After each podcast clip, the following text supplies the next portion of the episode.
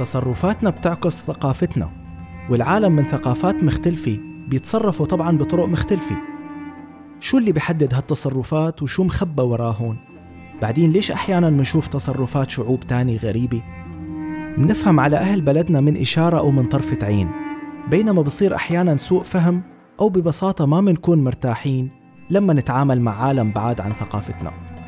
شو السبب يا ترى؟ وليش بتنفهم التصرفات بطريقة غلط أحيانا؟ شو يعني لازمنا تدريب لنقدر نتعامل بوضوح مع ثقافات تانية؟ وكيف منتدرب شو علاقة القيم الإنسانية؟ وكيف بتأثر بتصرفات الأشخاص؟ وبالقواعد الموجودة بالمجتمع؟ وحتى بالقوانين الرسمية؟ عن كل هالأشياء وعن أنماط التواصل المختلفة بين البشر خلونا نحكي اليوم. معكم ماهر فركوح بتمنى لكم استماع لطيف لبودكاست أيام اللولو.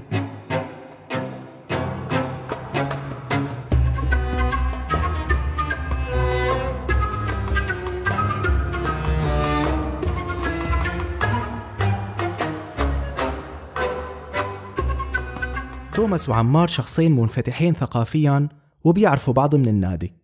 وحبوا أنهم يوطدوا علاقتهم ببعض ويوسعوا لقاءاتهم لتصير خارج نطاق النادي. ولذلك حب توماس يعزموا العمار لعنده على البيت على الغداء راح عمار لعند توماس على البيت لقاه عامل شوية أكل وحطهم على الطاولة. أول ما بلش توماس يصب له بصحنه لعمار قال له عمار بأسلوبه المهذب واللبق شكرا شكرا بكفي هيك. علما أنه اللي صبهم توماس بالصحن ما بيطعموا ولد صغير.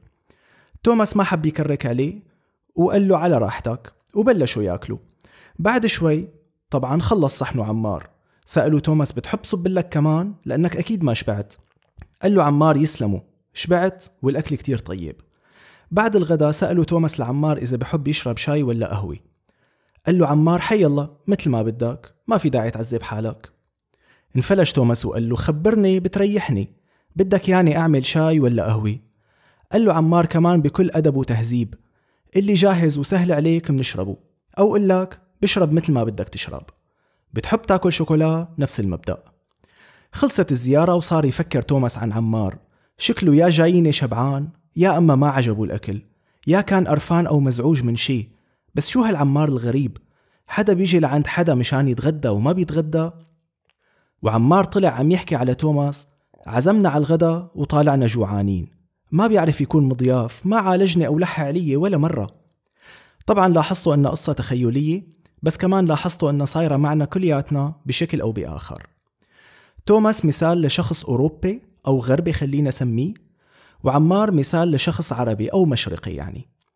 والقصة بتركز على الصفات العامة لهدول وهدول للأوروبيين إنهم ما بيعالجوا أو ما بيعيدوا العزيمة أكثر من مرة وبحبوا الوضوح وللمشرقيين يلي بيهتموا باللباقة والتهذيب حتى لو على حساب إنهم يخسروا شيء بالمقابل.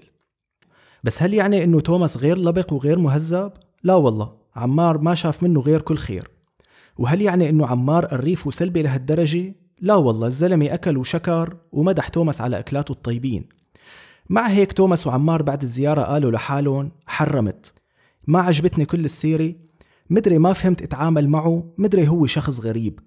أنا لو مضي الوقت مع حدا من بيئتي ومن ثقافتي كنت انبسطت أكتر من هالقصة منشوف سوء الفهم اللي بيصير والحيرة اللي بتصيبنا وقت التعامل بهيك لحظات وحبيت ركز على وحدة من الصفات العامة اللي بتميز كل مجتمع شو هي صفات عامة؟ وشو أوروبي ومشرقي وصيني وأمريكاني؟ شو هالتعميم؟ ما كل الوقت كنا عم نقول بالحلقات الماضية إنه الثقافة مانا كرات وإنه مانا ختم أو دمغة عامة لبلد أو جنسية أو عقيدة؟ وإنه كل شخص له ثقافته اللي بشكلها من تراكم خبراته الحياتية وقناعته. شلون صرنا عم نحكي فجأة عن صفات عامة لهدول وهدول؟ مو إطلاق الصفات العامة غلط؟ طيب بنفس الوقت مننكر إنه في شعوب إلها طابع بتتميز فيه. شعوب بتحكي بصوت عالي شعوب بتتقيد بالوقت لحد التقديس.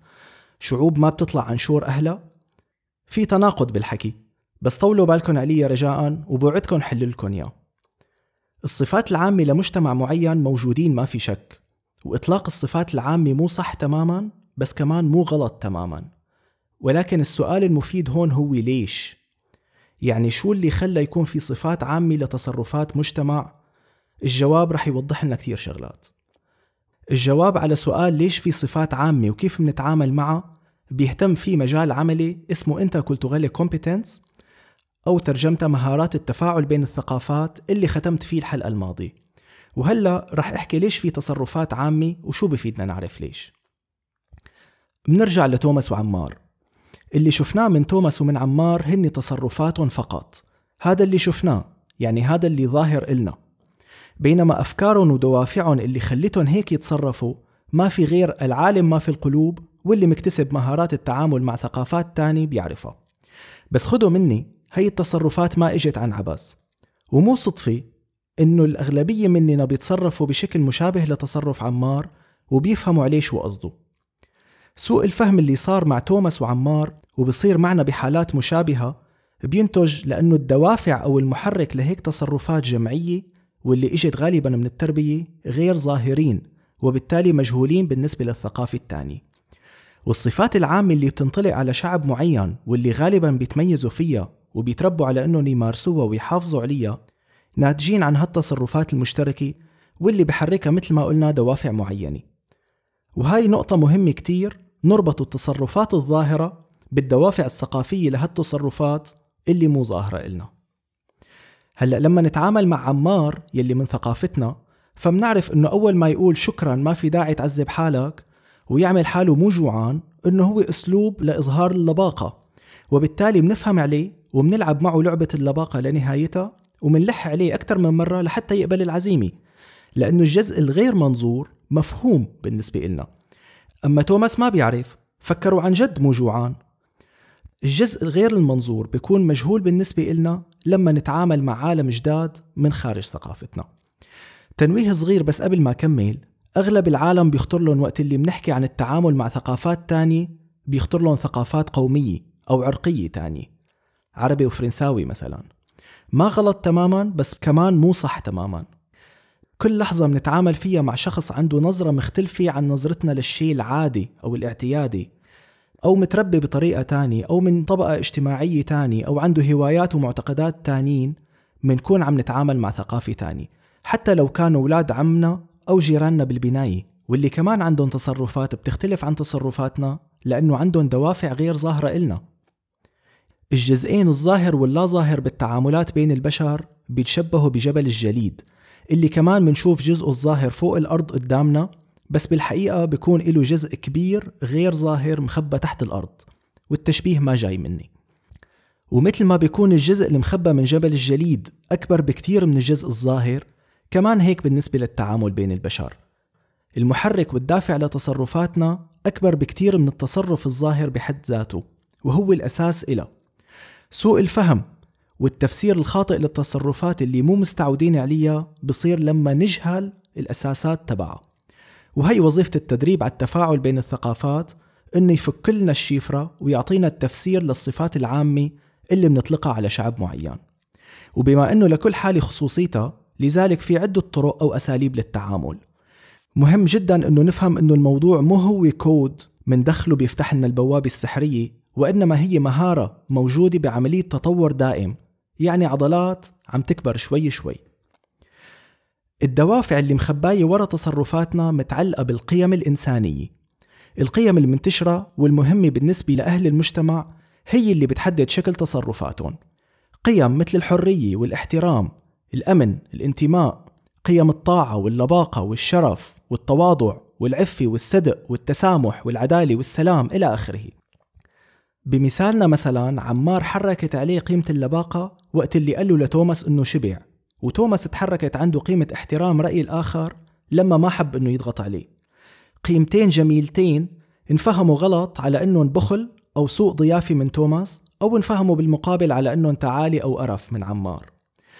الحديث عن القيم بشكل مجرد ما بيعني شيء بوصف ثقافي معينة وإنما المهم هو كيف بتأثر القيم هي بتصرفات الأشخاص. في عالم نفس اجتماعي اسمه شالوم شفارتز قسم القيم الإنسانية لثمان مجموعات. ما دخلنا فيهم هلأ بس الحلو إنه بحسب شفارتز القيم الإنسانية مشتركين بكل البشرية. يعني جميع القيم الإنسانية موجودين بكل ثقافة على وجه الأرض.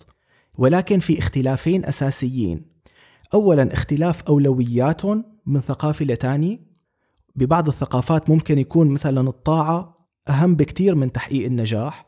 وبثقافة تانية بتكون الطاعة مهمة كمان ولكن الحرية الشخصية أو استقلالية الرأي أهم. ونقطة الاختلاف الثاني هو إنه ترجمة القيم هدول لتصرفات مانا وحدة بكل الثقافات. يعني مفهوم اللباقة مثلا ممكن ينفهم بطريقة مختلفة من ثقافة لثقافة. مشان هيك معنى اللباقة بالنسبة لعمار إنه ما يدلق حاله على الأكل ومعنى اللباقة بالنسبة لتوماس إنه يسأله إذا بحب ياكل كمان مو من مبدأ إذا بدك تحرمه اسأله بالعكس تماما. في مثال تاني بيتكرر كتير لما عمار ما بيسلم على ليزا باليد وما بيطلع بعيونها أثناء الحديث معه. ممكن ليزا تفكر إنه هذا قلة احترام وتقليل من شأنها بينما هو بيكون قصده العكس تماما. لما ما بيعطيها إيده وما بيطلع فيها بيكون عم يحترمها على طريقته. كل طرف ترجم قيمة الاحترام بتصرف متعلق بثقافته. القيم بالمجتمع مو بتأثر بس على طرق تصرفاتنا وإنما كمان على المبادئ والقواعد الموجودة بالمجتمع أو بالثقافة. إذا كان بثقافة معينة بينعطى أولوية كبيرة للمساواة بين الرجل والمرأة والتعامل بالمثل لجميع المواطنين بيأثر هذا الحكي على القوانين والحقوق الموجودة بهذا المجتمع. وبالعكس لما الناس بتلتزم بقوانين معينة بيأثر هالحكي على سلوكهم السائد وعاداتهم الثقافية وبالتالي على القيم المتوارثة. هذا الشيء عم نشوفه حاليا بشكل عملي بالبلدان يلي عم ينسن فيها قوانين لحماية البيانات والخصوصية وبيفرضوا عقوبات على اللي بينشر صورة أو عنوان أو رقم تليفون لشخص من دون موافقته. بألمانيا مثلا من سنتين بس كان هذا القانون بشكل عبء وغلاظة خصوصا بالمجتمع المهني. بس اليوم صار عادي من عادات المجتمع لدرجة إنه مرتي بتسألني إذا معلش تعطي إيميلي لحدا بده مني غرض.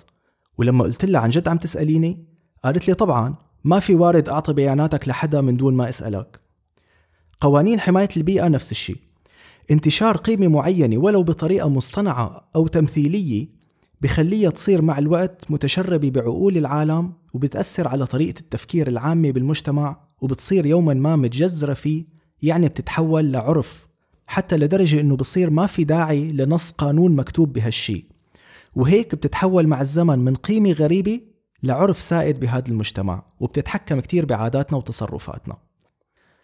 طيب كون القيم نفسها موجودة عند توماس وعند عمار ولو إلهم أولويات مختلفة بس موجودة عند الاثنين ليش ما فهموا على بعض؟ لأنهم ما تواصلوا مع بعض بشكل كامل. أنماط التواصل بين البشر مختلفة بحسب السياق الثقافي بفضل الشعوب أنماط تواصل على غيرها. طبعا اختيار نمط التواصل له علاقة بالقيم الموجودة وبإظهارها أنماط التواصل مصنفين تحت ست مجموعات بس اليوم رح رح أحكي عن النمط المباشر والنمط غير المباشر اللي ظهروا واضحين بمثال توماس وعمار. النمط المباشر للتواصل منتشر بين شعوب أوروبا وخاصة الغربية. مباشر يعني واضح ودقيق، بيستعملوا فيه مسميات وتعابير واضحة يعني يلي بيحكوه بيقصدوه. بتحب تاكل كمان؟ بتحب تشرب قهوة ولا شاي؟ وبصيغوا طلباتهم أو التعبير عن شعورهم بكل دقة ووضوح ما بيتطلب من المتلقي تفسير أو تأويل. أما النمط غير المباشر للتواصل واللي بيتبعوه الشعوب العربية وشعوب آسيا عموما بيتطلب تأويل وتفسير من قبل الشخص المتلقي وبيستخدم فيه تعابير أو مسميات بتكون مو دقيقة تماما. حتى أحيانا لازم تكون فهمان خلفيتي لتفهم شو بقصد.